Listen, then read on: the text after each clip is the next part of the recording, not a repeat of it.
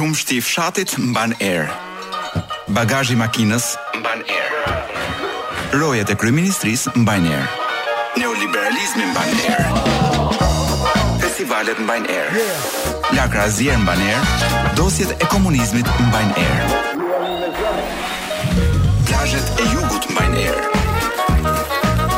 Po ky është një emision që nuk mban erë.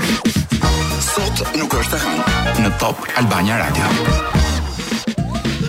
Mirë mbrëma, mirë mbrëma të gjithëve nga unë Blerina në mikrofon dhe përballë meje në mikrofonin tjetër është është shikoj, jo përballë mikrofon në mikrofonin tjetër, por në karrikën tjetër, sepse nuk e di pse sot vij dhe gjej një radio që s'është më radio, por është një set xhirimi.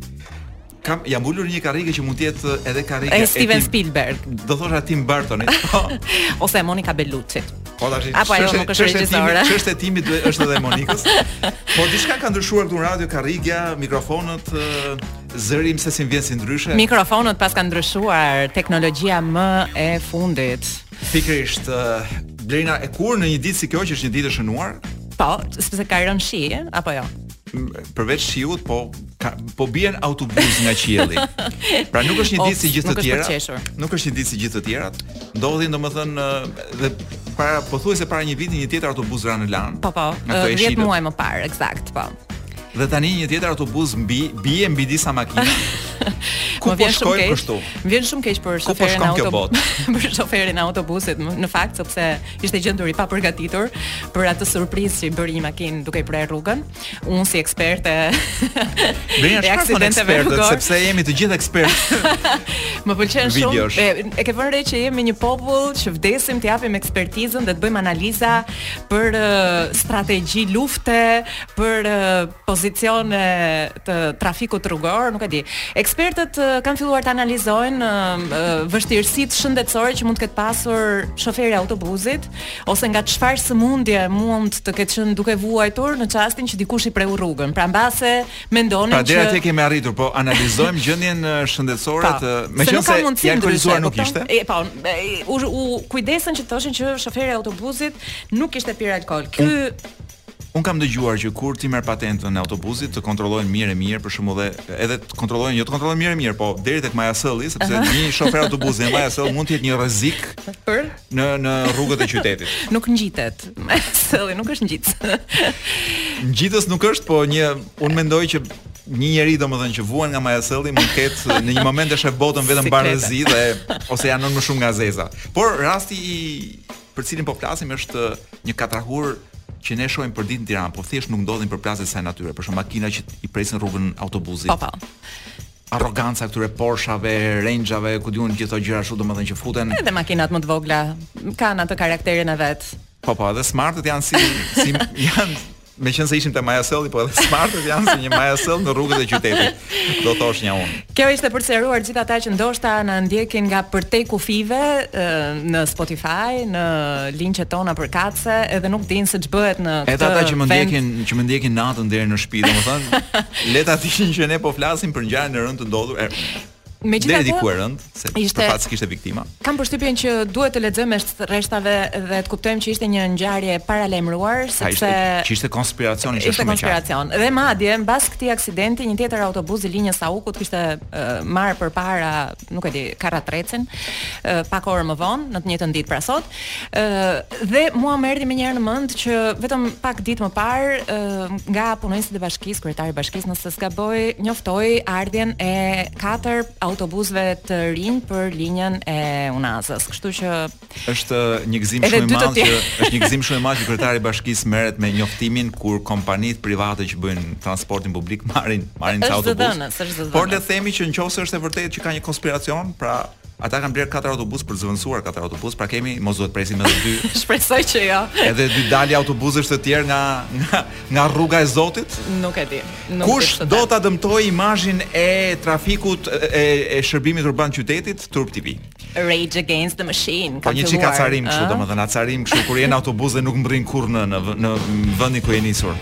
Duke Po pra, do të më mahnitësh. Jo, unë desha vetëm të kërkoja ndjesë të gjithë atyre që nuk kanë dashur të dinë për autobusin. se ka njerëz që nuk duan të dinë gjërat e zeza që ndodhin në këtë vend dhe neve pa dashje u themi gjëra që ata po përpiqen t'i shmangin nga lajmet. Më e ja, Kloi, ta themi se sapo e thamë. po prit pak te publiciteti tjetër. Meqenëse Kloi po na pyet, domethënë do të dijë më shumë për autobusin. Apo emrat e pasagjerëve ndoshta. Më vjen shumë mirë që më vjen shumë mirë që nuk kishte asnjë viktimë. Po, jo, Por, kishte nëntë të plagosur, që po të kishin qenë në një vend tjetër të botës, do ta kishin pasur të paguar të ardhmen. Po, nuk e di, le të mos i paragjykojmë, mos ta paragjykojmë shtetin tonë. Po, në një vend tjetër të botës ata do jetonin gjithë jetën si zotërinj. Po. Pra do paguheshin, ku di unë, gjithë streset e shkaktuara, gjithë dëmet e shkaktuara. Po në një vend si ky, domethënë, do të gjejmë sëmundjen shoferit të autobusit. Jo, të, të heqen edhe nga puna. Pra, ndërkohë që ti ke pësuar një aksident, heqen nga puna, thonë se se ti ky ky s'bëhet për 3 javë do të thonë vjen punë që je i pushuar. Le që vetëm ankohet një herë. Jo pa autobuzi, jo po gjithë justifikime. Por kjo nuk është ngjarja e vetme shokuese e kësaj jave e dashur Blerina, sepse ka ndodhur lloj-lloj gjërash. Po. Do të më mahnisësh, e ndjej. Po, do përpiqem. Hajde, jepi. Do përpiqem. Do të them që po themi po në këtë frymën e një argëtimi publik, sepse rrugët tona janë bërë tashmë si, si këto, video games. Si video games me makina. Por edhe shkollat tona po fillojnë më në fund të bëhen si lojra kështu me role play me këto me aksion me pistoleta sepse Po lexoj këtu që një 14 vjeçar paska mbajtur peng klasën në Sarandë me një pistoletë. Ore jemi bërë si amerikanët, e ke vënë re? A ky kishte pistoletë lodër? A mos. Po Por ta... e mbajti peng, pra filmi u bë. Shiko, Puntata e parë u xhirua. Është i zoti. Ka strategji, ka e bën për lojë dhe i lumtë. Bravo i qoftë. Tani unë kam një shqetësim tjetër. Hë. Që ky shkon dhe çfarë mësojnë në shkollë këta nëse nuk kanë kuptuar që ky ai ishte pistoletë lodër.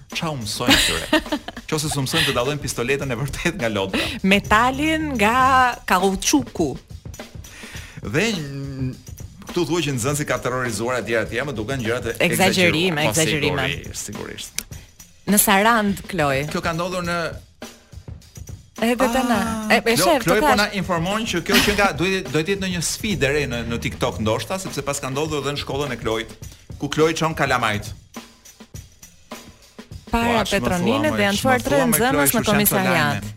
Interesante. Pra, pra, me sa kuptoj, neve kemi ardhur të papërgatitur në në shkollë, sepse do të kishim ardhur me pistoleta, me pistoleta lodër dhe mbanim gjithë studion. Shumë shumë mund të të qëlloj me një makinë prej druri ose me një libër kokës. Shpopullimi masiv Pa gjeje kush është qyteti që po shpopullohet keq fare? Unë nuk e di kush është qyteti që po shpopullohet keq keq fare, do të ma thuash ti, por unë do të të them pastaj cila është strategjia që po përdor shteti për të frenuar këtë shpopullim masiv të Shqipërisë se e kam zbuluar sot në lëkurën time. Mirë, po kjo, e zbulova. Kjo që ka një dramë po, personale, drama personale që do ta them. Shpopullimi masiv Gjirokastra regjistron lindjet më të ulta në 30 vjet. Oh. sepse ndoshta njerëzit po të se për pak thashë k..., por nuk thuhet në radio shkepet. Pa njerëzit bëjnë dashuri në Gjirokastër dhe po shkojnë e lindin diku tjetër, pra nuk duan të lindin në atje. Sepse ndoshta është pak e vështirë me ato rrugët e përpjeta, do të të shkosh si ta çosh gruan në maternitet, në maternitet, domethënë nuk e di. Por barca, shiko, barcaletat shqiptare vërtet janë ndërtuar mbi mbi klishe. Për shembull, Gjirokastra ka të është, është një nga klishetë e barcaletave, po. Kavaja është një klishe tjetër, ku po. çka kemi tjetër. Këto dyja kemi. Po, se di. Kështu, Elbasani. Po, tash i diçka, diçka dihet pse ndodhin këto gjëra. Domethënë, kanë filluar të kursejnë edhe materialin e parë me të cilin bën kalamaj. Ka gjëra, ka gjëra stilës. Unë uh, sot zbulova tash uh, mënyrën se si ka vendosur qeveria t'i bëjë ballë të frenojë emigrimin masiv dhe shpopullimin e vendit.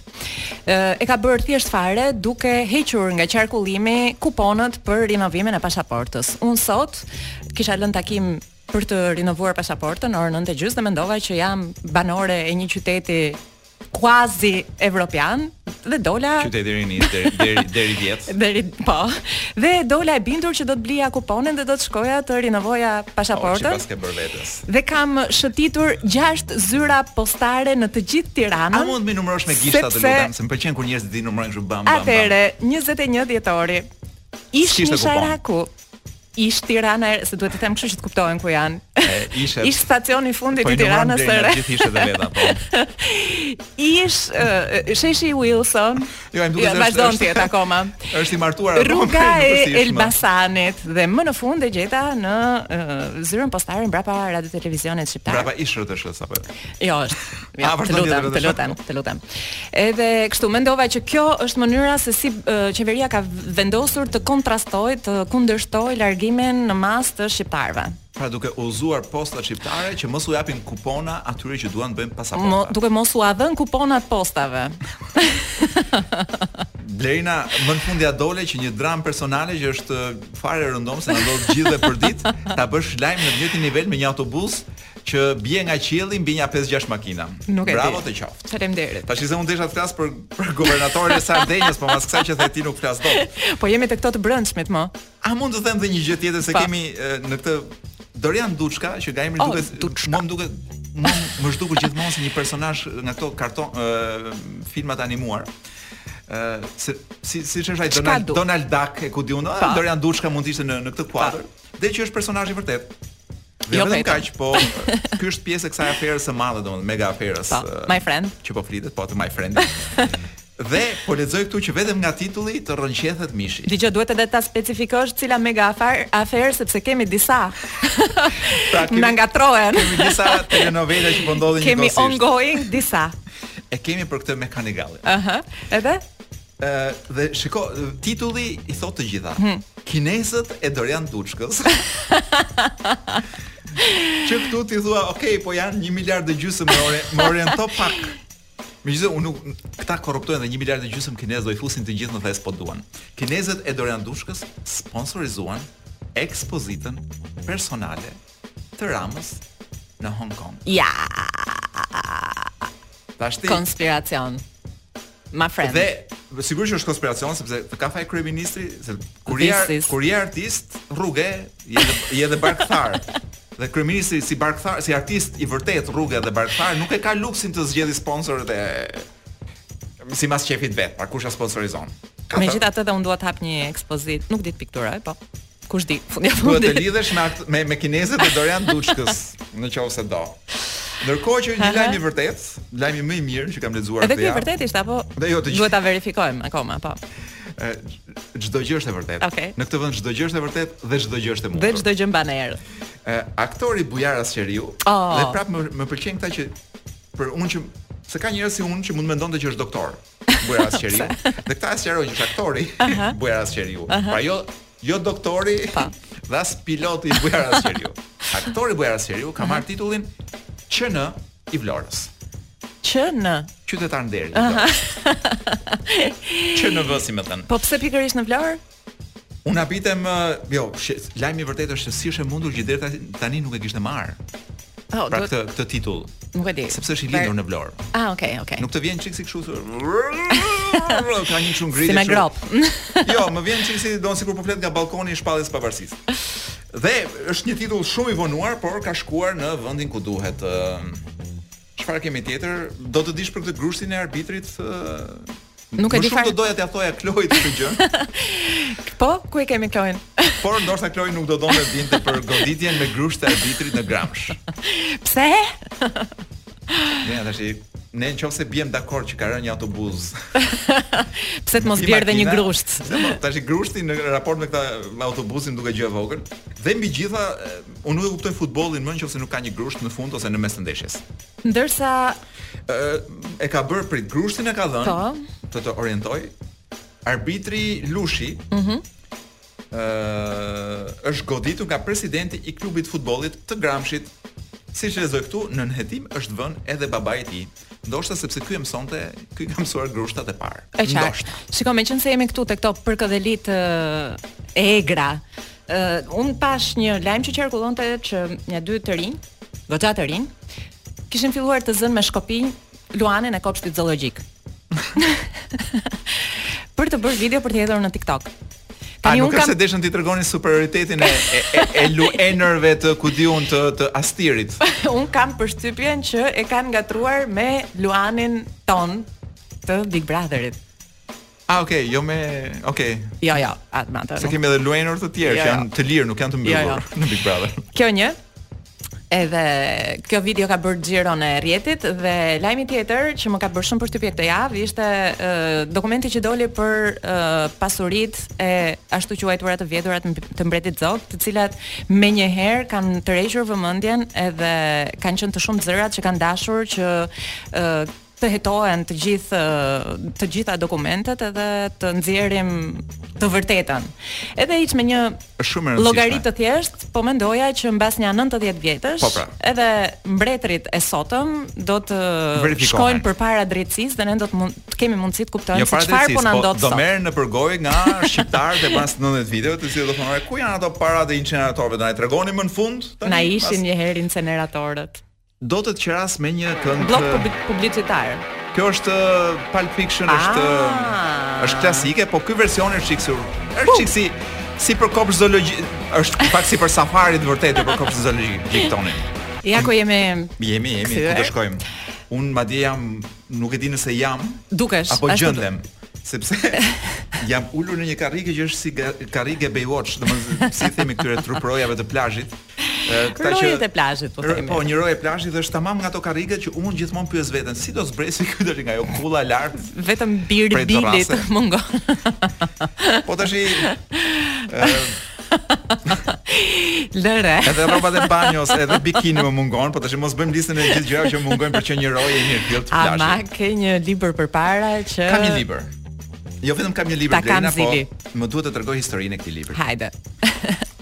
Ke parasysh kur ulesh te berberi për shembull, te berberi apo te parukierja po dhe ka ndonjë revistë aty dhe je i detyruar, prit Kloj se s'kam lexuar akoma, fillimisht po flas për hallet e mia. Mos më ashtu. dhe kap gjën e parë që ke mbi tavolinë. Janë ato revistat. Dhe është revista Horoskopi i Paolo i Paolo si ka i Paolo ku di un. Fox. Fox. Etj etj.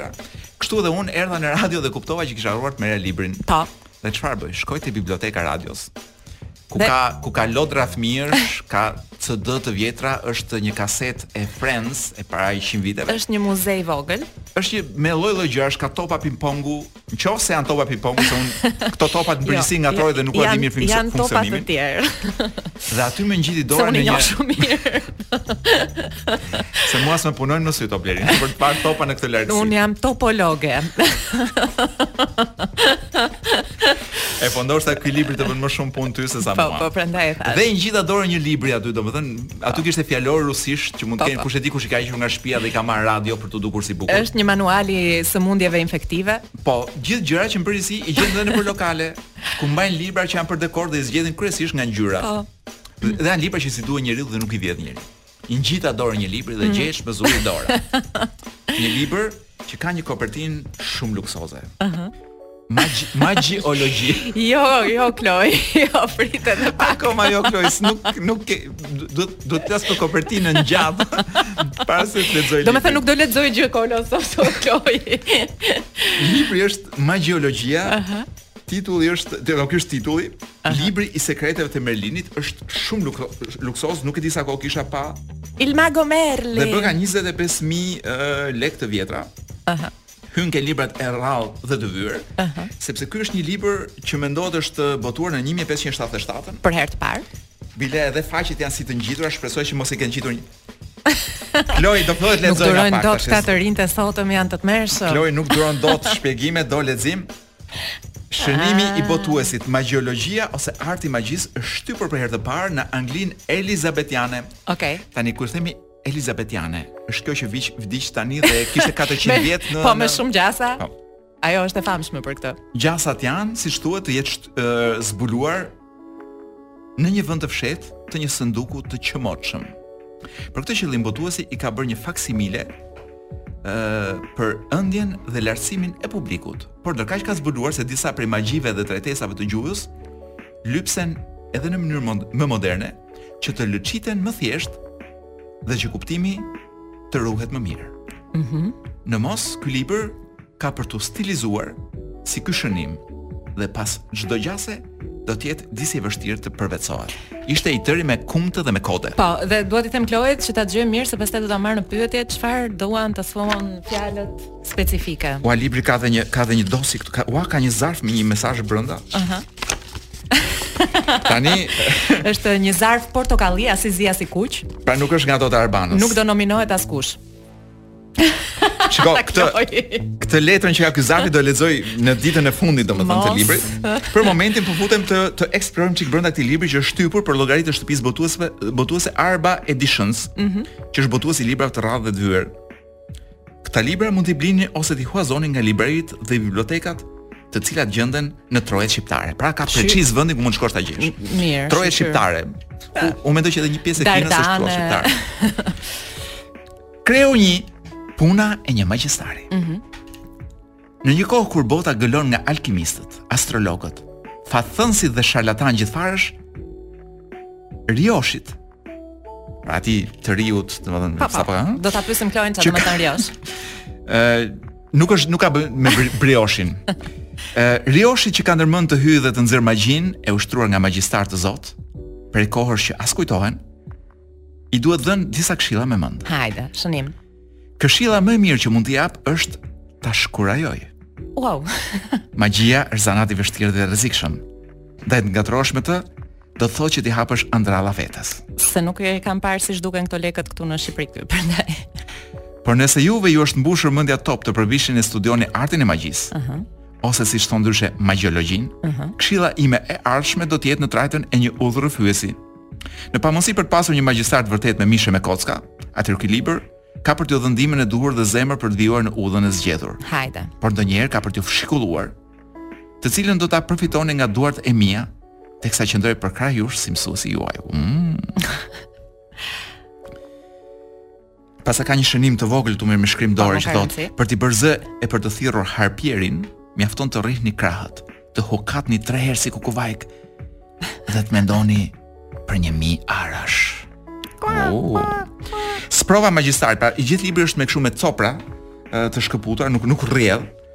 Në sprova e magjistarit për të vënë në provë zellin e një nxënësi të ri, e kam zakon që t'i ngarkoj detyra të vështira, siç është fjala vjen, zhvendosja e një mali, ose drejtvendosja e thonjve të dy gishtave majë më majë. Wow.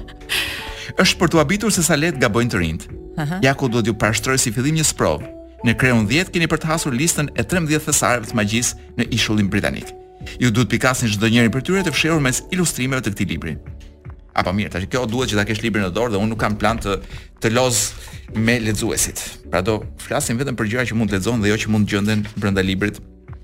Kreu 2 Harta e botës së magjistarëve. Para se të hidhni sytë e të shihni se ku po shkoni, duhet të dini se ku ndodheni në këtë çast. Magjistarët mund të gjenden jo vetëm brenda kufinjve të botës së njohur, por edhe më tej. Dhe ata janë gjithfarësh. Kjo hartë e botës mund t'i vijë në ndihmë çirakut për të përcaktuar vendndodhjen e gjithë sojeve të magjistarëve. E megjithatë lypset mbajtur parasysh se harta në fjalë është përpiluar në bazë të njohurive të kartografëve që nuk janë magjistarë, dhe edhe për këtë arsye aty këtu ka ndonjë pasaktësi. Nëse ndodh çudia e cila nuk ka asnjë gjë, asnjë gjasë që të ngjaj dhe ju të fitoni zotri, zotësinë e të fluturuarit, nuk do t'ju duhet shumë kohë që të mësoheni me përbërjen e rruzullit tokësor. Atëherë do të zotëronit fuqinë që t'u vini në ndihmë detarëve në rravgimet e tyre nëpër dete. Më pëlqen gjuha e përdorur nga përkthyesi, sepse është një gjuhë e lashtë siç është dhe ky libër i 1510-s. Kreu i gjashtë, kafshët besnike të një magjistari. Çdo magjistar përfiton mjaft nëse mban si mikun e vet besnik. Pëllumbin. Ose si ndihmës, lepurin, një peshk. Ua, një shpend. Ose çfarëdo lloj frymori tjetër. Okej. Okay. Nuk ka mënyrë më të mirë për të, për një magjistar që t'i qaset botës së natyrës dhe të mësojë se ç'është toka, qielli dhe deti. Mm -hmm. Të gjithë magjistarët mund të dëshmojnë se sa e dobishme është mbajtja e një kafshe besnike, por nga ana tjetër, nuk mund të them të njëjtën gjë për të gjorat kukuvajka ose bretkosa, që mund të përfundojnë në duart e ndonjë çiraku mendjelehtë. Përfitimi më i madh kur ke një qenie besnike pranë është se kafshët mund të shohin lehtësisht shpirtrat, shtojzovallet, elfët, dhe xhuxhmaxhuxhët, të cilët janë të aftë t'u përvidhen sysh njerëzve. Nuk mund ta besoj që ky libër gjendej në radio. Në edhe i mbuluar me pluhur. Ku e lashë? Ë, uh, xhuxhmaxhuxhët, të cilët janë të aftë t'u përvidhen sysh njerëzve. Por para se ta mblidhni mendjen e të vendosni të merrni një kafshë besnike, duhet të dini se si të silleni e të përkujdeseni për të dhe si qysh dhe si e qysh ta stërvitni për së mbari. Mhm. Mm si të gjesh një kafshë besnike? Hajde një. Kur gjen një krijesë që dëshiron ta bësh shok besnik, së pari duhet t'i kër kërkosh leje dhe të marrësh miratimin e saj. A mund? Duke kaluar dorën mbi kokë dhe duke shqiptuar fjalët. A që s'kam një, më sillni një nga çunat e radios më t'i vë dorën në kokë. Atë duke shqiptuar fjalët. Falë hënës që rrëzëllin natën dhe diellit që shndrit e të verbon Unë të pyes një herë e dy, por më shumë se kaq nuk shkon. Me një të lehur, krakëritur ose të mjaullitur më thuaj, të lutem çfarë mendon. A dëshiron të bëhemi miq për kokë? Përgjigjen tënde pres me padurim. Dhe prisni derisa krijesa të bëjë diçka me anë të cilës shprehet të thotë po, për shembull ku di unë. Koha jote mbaroi kolon. Mund të të prekë me bisht, nuk di ç'të them. Dhe kam frikë se mbas kësaj do t'i duhet ndërruar dhe emri kafshës, do gjithë ju që jeni futur rrugës së magjisë, masi dëgjuat mua që lexoj librin e magjiologjisë, libri i sekreteve të Merlinit, botim luksoz ë uh, i mrekullueshëm, një libër shumë i bukur për ta pasur edhe si zbukurim në shtëpi. Do na bëjnë testin e drogës tani dhe. Blerina, jo vetëm testin e drogës, por mund të na fusin bashkë me ata te autobusit brenda. Mban erë, nuk mban erë është pak e ekzagjeruar, është një hiperbolë. Po sigurisht. Se edhe ky emision falë protagonistëve të tij që sfilojnë mban shumë erë, të them të drejtën Kolo. Pastaj ne kur flisnim për erë, Ne nuk ishte, ishte metaforë. Ta gjeni fjalën që korrespondon me fjalën erë. Dhe këtë duhet të sqarojmë gjithë njerëzit që janë keqkuptuar. Po. Ë, mbas leximit të librit Magjiologjia. Po. Pak më parë, brenda librit ka një letër, pusullë. Një pusullë. A, ku ma gjete sa po, sa bukur këtë fjalë o po, Blerina. Po, është tamam gjëja e duhur. Fjala e duhur për objektin e duhur.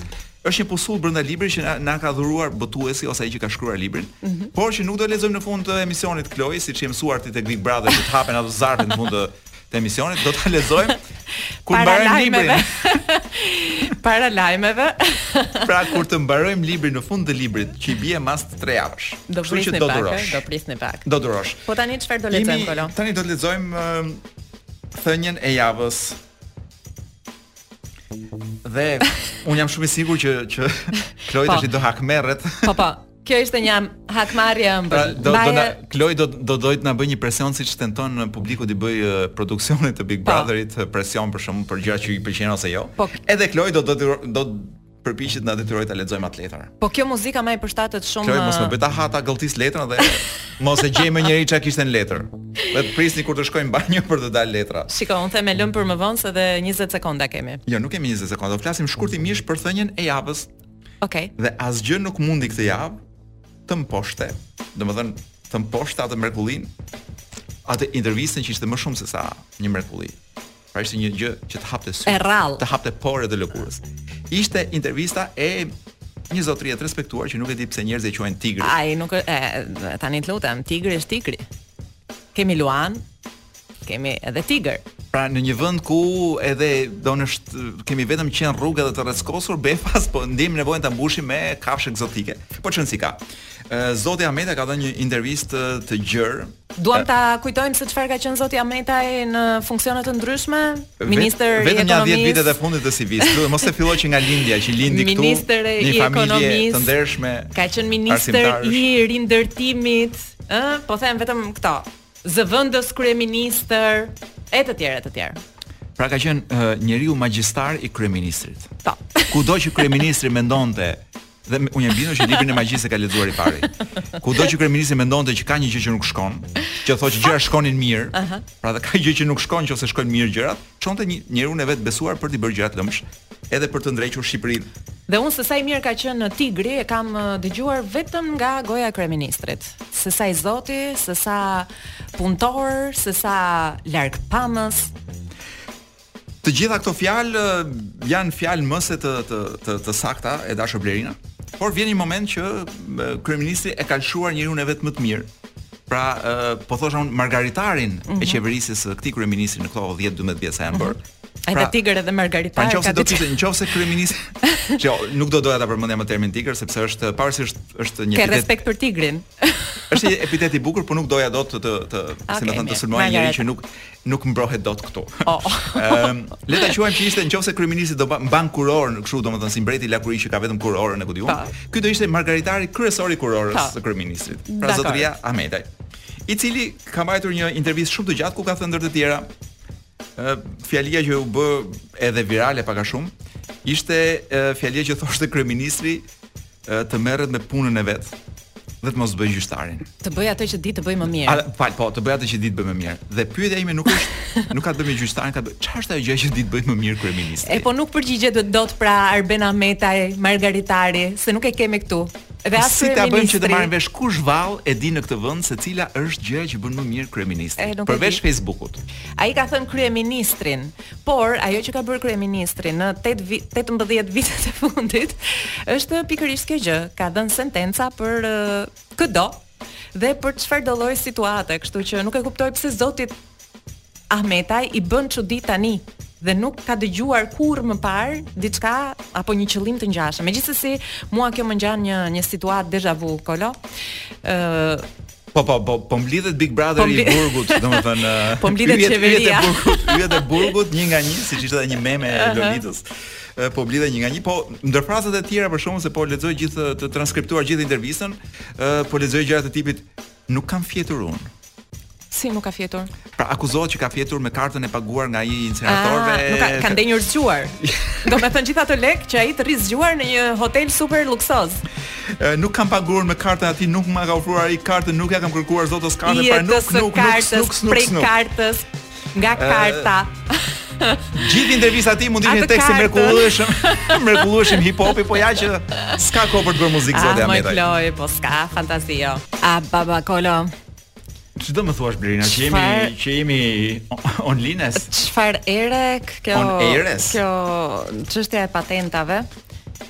Nuk e di nëse je i informuar. Që, më duhet të them që jam në jam njeri që nuk përveç autobusëve nuk preferoj të marr mjete të tjera fluturuse. Unë nuk e di kush merr patentë akoma në Shqipëri dhe çfarë i duhet. Duke parë dhe, sa shumë aksidente ndodhin. Dhe pse merr në Shqipëri kur mund ta marrësh në Teheran?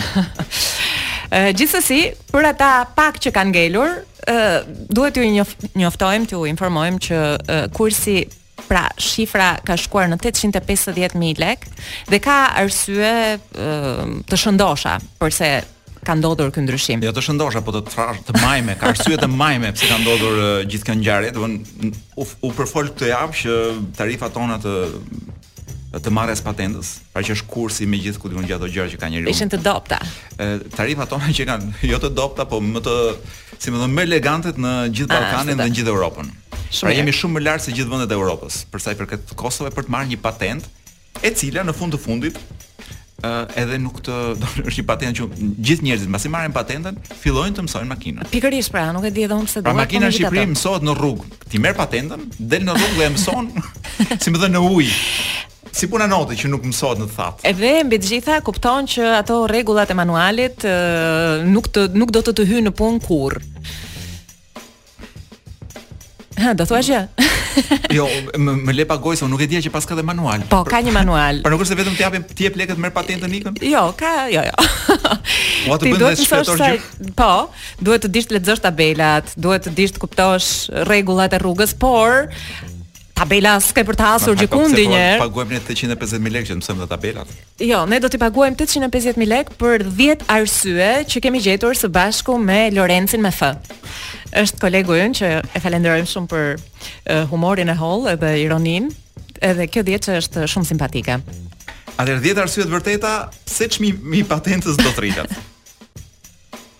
Jepi Blerina. Okej. Lëshoje para. Sepse është rritur çmimi i naftës dhe shumica e autoshkollave ka sistem ngrohjeje, sistem ndriçimi dhe sistem ë, kompjuterik madje, imagjino, të gjitha me naftë. Po sigurisht. Ë do rrit është do rritet çmimi i patentës sepse një pjesë e lekëve do shkojë për të paguar të drejtën e autorit, të gjitha këngët që do dëgjosh në kasetofonin e makinës gjatë praktikës. Sepse tani do bëhet kurs i plotë që përfshin edhe mësimin e 100 sharjeve që duhet të dish në timon. Sepse në këtë pagesë përfshihet edhe një manual, sekretet e rryshfetit. Si të korruptosh policët pa të kapur kamerat e trupit. me parathënie nga vetë kryeministri. Shiko, pa 850 mijë lekë nuk mund t'i dish këto gjëra. Vazhdoj me listën. Sepse praktika do të bëhet me makinat e ministrave, ose ose sepse do të vijnë pilotë të Formula 1-s për të dhënë leksione apo master klase në Pallatin e Kongreseve.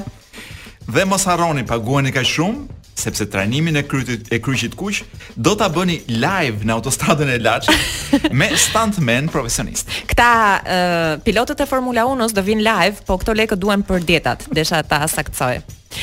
Uh, sepse praktika e parkimit do të bëhet në rezidencat me vila në periferi. Do të paguajmë kaq shumë. Parkimi aty. do të paguajmë kaq shumë për patentën sepse patenta nuk do të jetë më plastike. do të jetë e larë në flori. sepse do të paguajmë kaq shumë sepse përveç metodës së zakonshme në klasë, teoria do të mësohet edhe duke parë gjithë filmat Fast and Furious në kinema. Ti e di që një 100.000 lekë i thonë vetëm bileta. Po pra ne prandaj jemi një popull uh, kaq i mirë në timon sepse ne jemi prej kohësh jemi instruktuar nga Fast and Furious. Mund të shtoj edhe një arsye tjetër pse çmimi i patentës duhet të rritet, Është sepse përveç patentës shoferët do të marrin edhe titullin akademik i rrugës. Ndoshta edhe ndonjë honoris causa. Po kjo vetëm për ata që janë shumë. Ose që në. më të mirë. Qytetar nderi. Që në vezë. Që në vezë. Mirë. Këto ishin 10 arsye simpatike sepse mm, duhet rritur çmimi, pra 10 arsye të vërteta pse rritet do të rritet dhe duhet rritur çmimi i patentës Dhe kur themi për patentë flasim për atë të makinës. Patjetër. Nuk flasim për rastet kur të pilotit të avionit. Kur, kur të të vjetrit thonë ajo është me patentë. Jo, jo, jo, jo, jo, jo. Ç'janë këto gjëra, ç'janë këto gjëra. Pra Shiko, nuk flasim për atë lloj patente. Unë them që me një këngë t'i shpëlajmë këto lajme tona nga vendi dhe pastaj të hidhemi matanë kufirit. T'i shpëlajmë. A do ma prezantosh këtë burrë?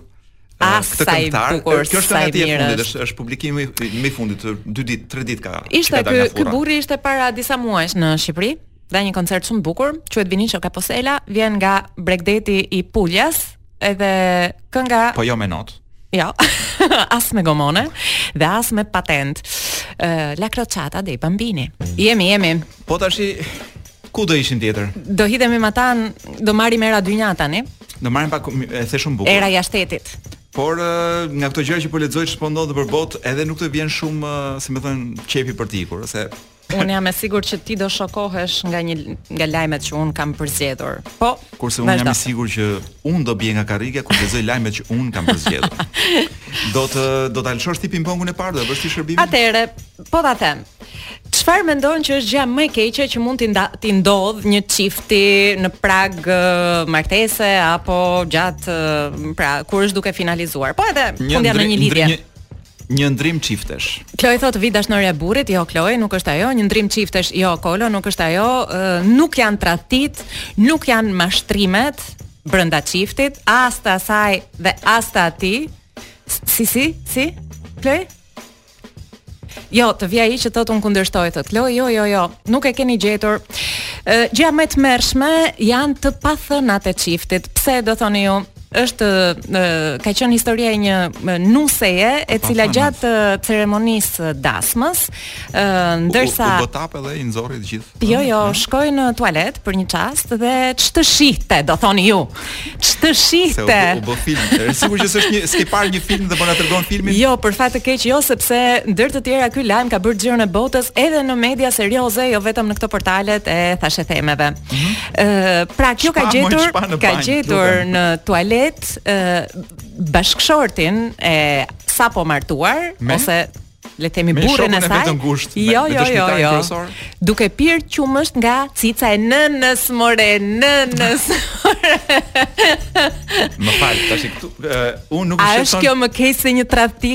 A është kjo më keq se një mashtrim? Ky është po ky është lajm shkencor i nivelit të lartë. Bravo Kloi, bëri një qumështi i nënës, domethënë s'ia, ua nuk e kanë ndërprerë kurrë ajo. Kur Kurrën e kurrë. Ua, ka, ka 40 vjet pa ndërprerë qumështin. po, sepse duhet të cilësojmë që nuk po flasim për një çift të sapolindurish të martuar. Nuk i është tharë Kloi kurrë, edhe kjo ka qenë ky ka qenë sekreti i këtij djali, tashmë burrë, ndaj bashkëshortes që i është dashur t'ia zbulojë pikërisht. Pra, kur ai thoshte do shkoj për drekë nga mami sot. Blerina më, më shokove fare se unë po përpiqem të analizoj dhe të kuptoj çfarë zgjidhje mund të ketë ai çift. Nuk e di. Përveçse të fillojë të pijë te gruaja tani. Por po a do vijë gjiri i saj mbas martese? Lind pyetja? Ka ndërruar gjirin e familjes, nuk di çfarë. Dhe pse këto gjëra i bënin në banjë dhe nuk i bënin duke i parë gjithë njerëzit e tjerë Blerina? Që t'i shokojnë një nga një me radhë, jo të gjithë përnjëherësh. Ishte një lajm, unë nuk nuk e, ta nxjerr që të vazhdosh ta ta thashë. Jo, nuk besoj se nuk besoj se unë kam më do ta kishim thënë të fundit sepse çdo gjë tjetër që do të themi pas kësaj, unë kam për parasysh një dhëndër. Një dhëndër që pi qumësht dhe jo alkool në dasmën e vet. Po shkoj për drekë nga mami.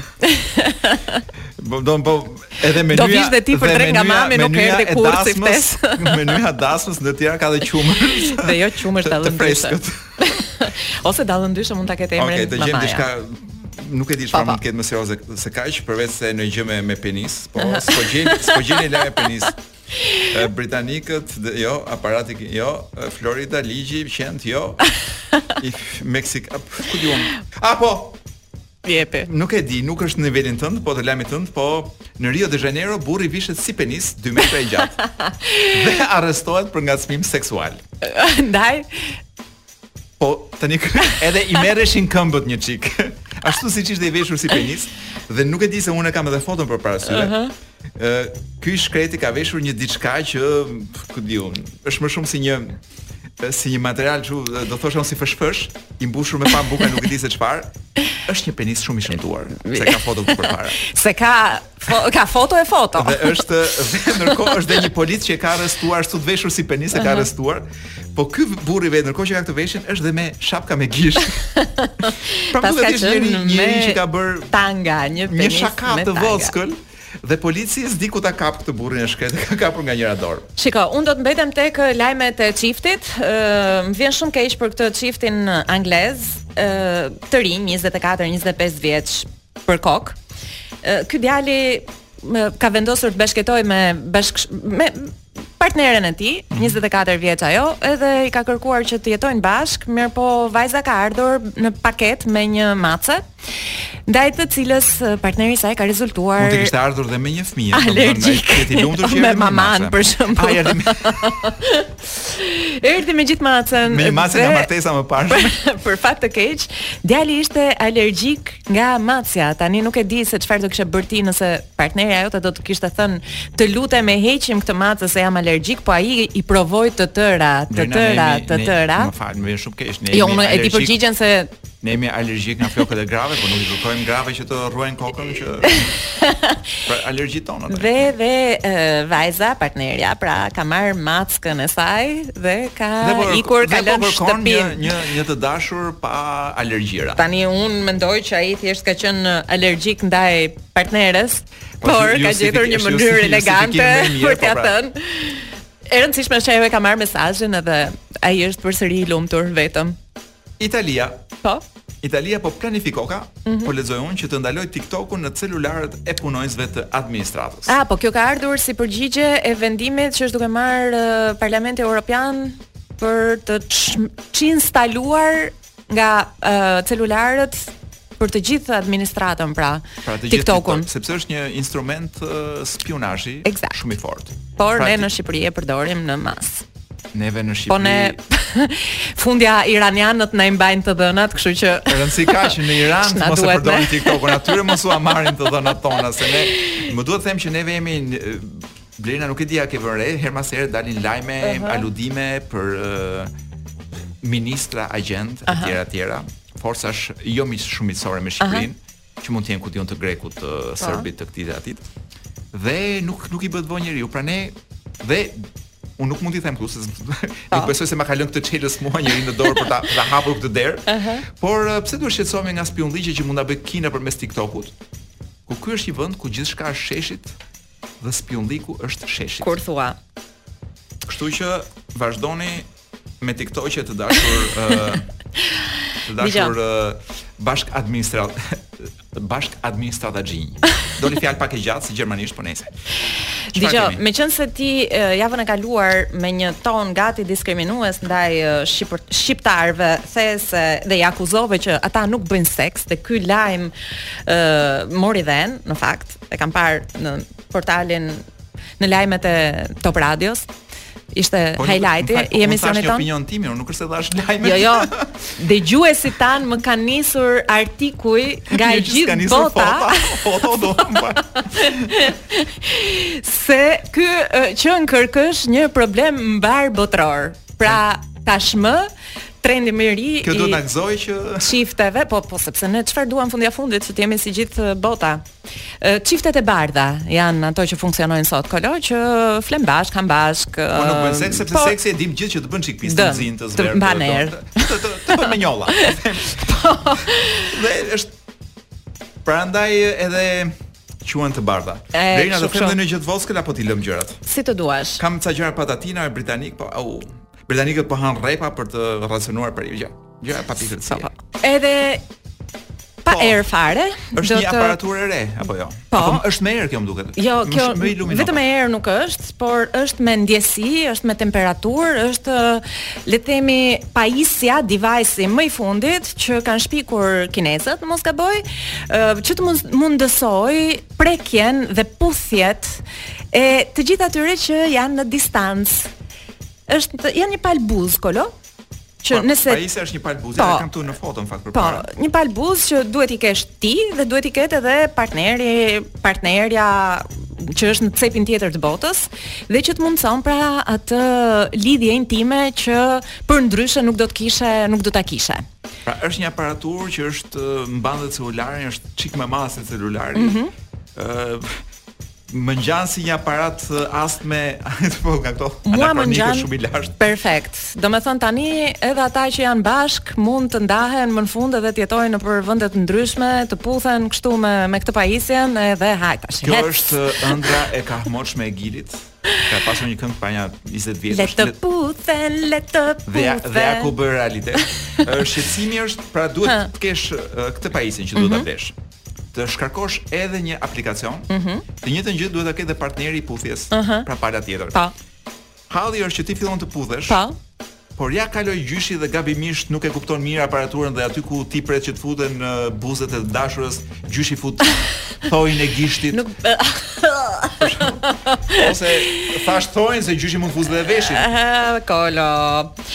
Unë unë e shoh në duart e kalamajve.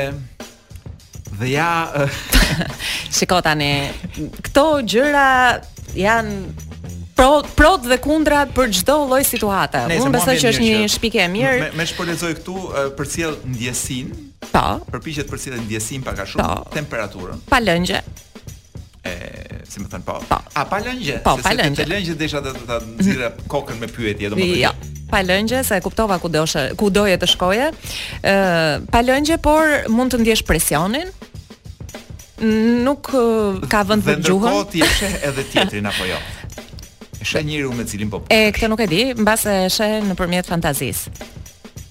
Kjo është pak unë mendoj që është problematike.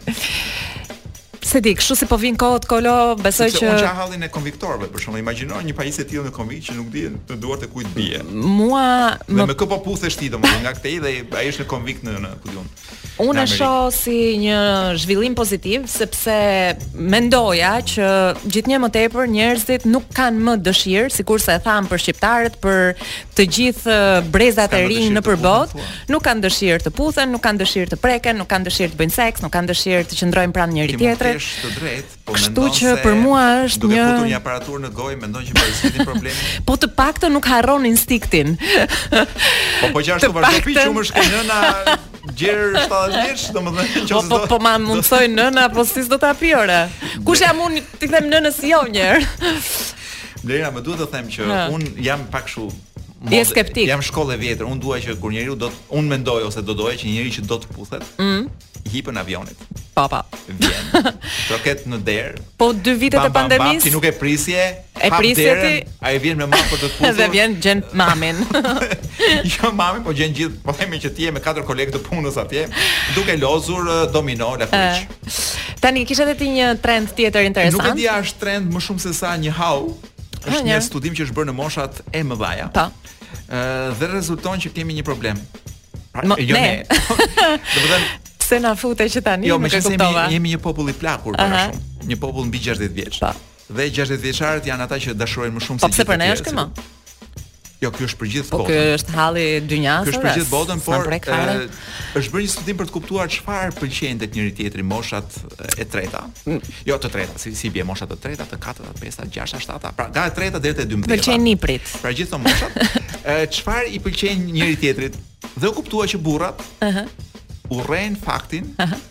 që të dashurat e tyre në moshën e njomë 65 vjeçare kanë nipër dhe mbesa dhe duhet të kujdesen për ta.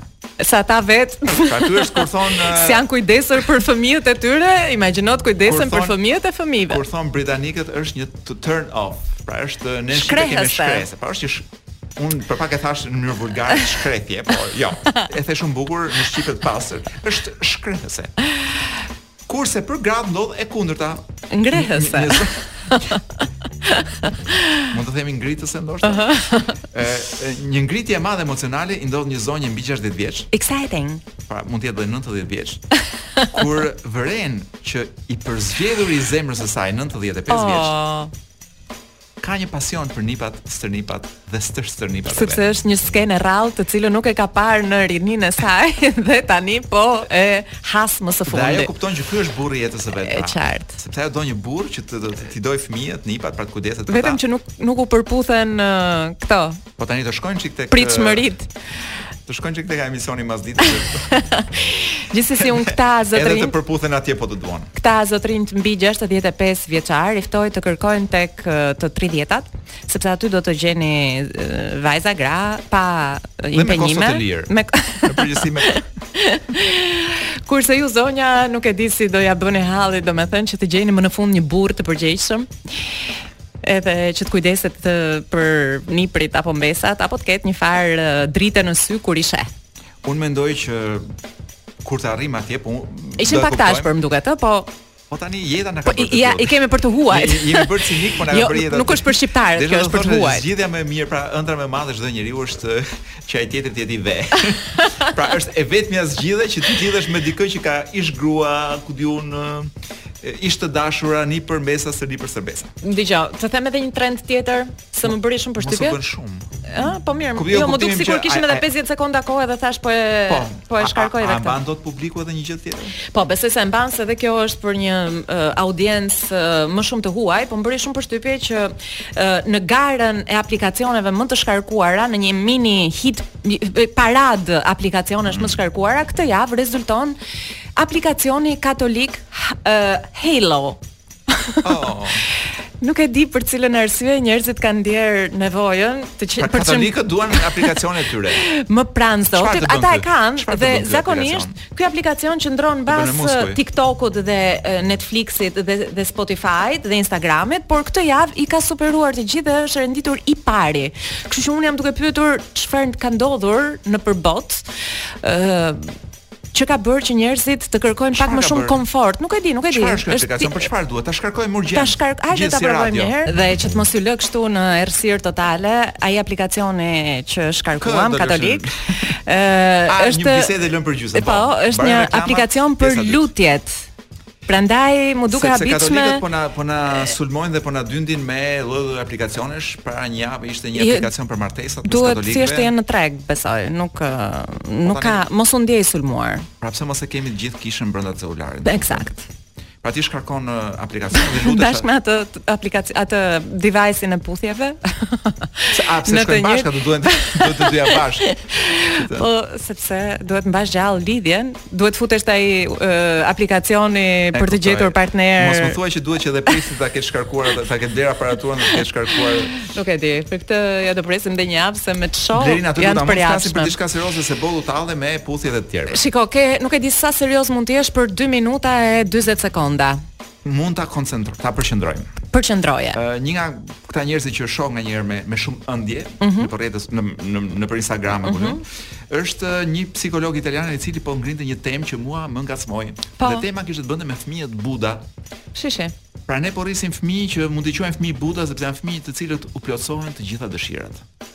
Ndërkohë që Buda është një entitet që mbërrin në këtë gjendje pas po pa pas një meditimi dhe kur po jo ne i bëjmë meditim, që, që të vegjësh po, mirë thanë kanë çdo gjë. Mm -hmm. Pra, jo vetëm kaq por ne u lëmë në dorë edhe t'i vëmë të zgjedhin fëmijët për shembull ku do shkojmë ne sot. Mhm. Çfarë mm -hmm. do bëjmë ne sot? Mhm. Mm Çfarë do hamë ne sot? Pa. Si t'ia vëmë emrin motrës që po vjen që po lind? Mirë, shiko. Nuk do të jenë përgjegjësi çik të mëdha për një 6 vjeçar për shembull që t'i thuash Ti do t'i vësh tani emrin pa po, ku di unë vëllait të vogël. Ashtu është, por uh, duhet të kuptosh që ne vijmë nga një brez ku emrin për shembull fëmijës mund t'ia vinte uh, punonjësi i gjendjes civile. Pra ti shkoje dhe i thoshe uh, dua të regjistroj vajzën me emrin Vilma dhe ai shënonte Bilma dhe ajo qenie do të mbante një emër që s'e kishte fare as të prindërve, as të askujt e kishte të Po perceptoj një lloj racizmi ndaj emrit Bilma në ajo. Që unë imagjinoj që 10% e indianëve mund të quhen Për shembull, për shembull, po them. E dashur Blerina, për sa kohë që ai është uh, një, një person i rritur, adult uh -huh. kur i themi, le t'ia vër emrin. Po. Ose për shembull, uh, një baba që kishte shumë fëmijë dhe që nuk kishte fantazi për t'i vënë emrin fëmijës 10, shkonte dhe i thoshte po të lutem vëre si të duash dhe gjendja civile shkruante sose. Fund. Fin, Fundim. Fund javë. Më duhet të them Blerina që kemi bërë një hap përpara tani. Është shumë e nevojshme të themi. Ëh. Pra për të përmbyllur gjithë këtë debat po. që fëmijët e rritur në këtë formë, mm -hmm. pra mhm. fëmijët të cilët u rrit kanë siç mund të jenë mirë edhe ne ndoshta. Po. Me duke u plotësuar gjitha dëshirat, vjen një moment që rriten. Mhm. Mm dhe ose do të vazhdojnë të pinë gji te mamaja, po. edhe 40 vjeç, ose do përballen me jetën e vërtetë ku nuk është e vërtetë që ty të plotësohen të gjitha dëshirat. Po. Dhe në jetën e vërtetë ti nuk shkon për shkak ti nuk është se njihesh ose martohesh me një person dhe thua tani do t'i bëj emrin, duhet të ndryshoj emrat gjithë familjes tënde se nuk më pëlqejnë. Se kështu jam mësuar që i vë emrat unë. Dhe mbi të gjitha, këta kur bëjnë 60 e pesë vjeç duan ca gra që të mos kujdesen për nipërit e tyre, por t'i shohin në dorë dhe në gojë dhe t'i përkëdhelin posaçërisht ekskluzivisht. Kështu që këta fëmijë jemi duke rritur. Ju domethënë se unë Po ne fëmijët e gjithë Shqipërisë këtu po i rrisim në këtë radio. Kloj mezi duroj.